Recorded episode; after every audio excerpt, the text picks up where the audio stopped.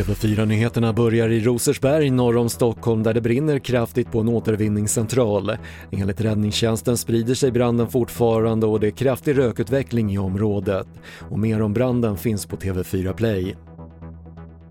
50 nya dödsfall har rapporterats in och 5 280 personer har nu avlidit till följd av covid-19 i Sverige enligt nya siffror från Folkhälsomyndigheten. Över 65 000 har nu bekräftats smittade i Sverige sedan pandemins början enligt myndigheten. De statliga körkortslånen förlängs eftersom coronapandemin har orsakat långa köer till att ta körkort. Infrastrukturdepartementet förlänger nu körkortslånen som riktar sig till arbetslösa mellan 18 och 47 år med ett år. Och Skolverket krymper sin publicering av statistik kraftigt och man kommer bara att publicera statistik på riksnivå.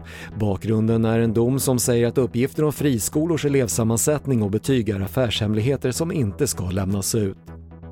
Det var det senaste från TV4 Nyheterna. Jag heter Patrik Lindström.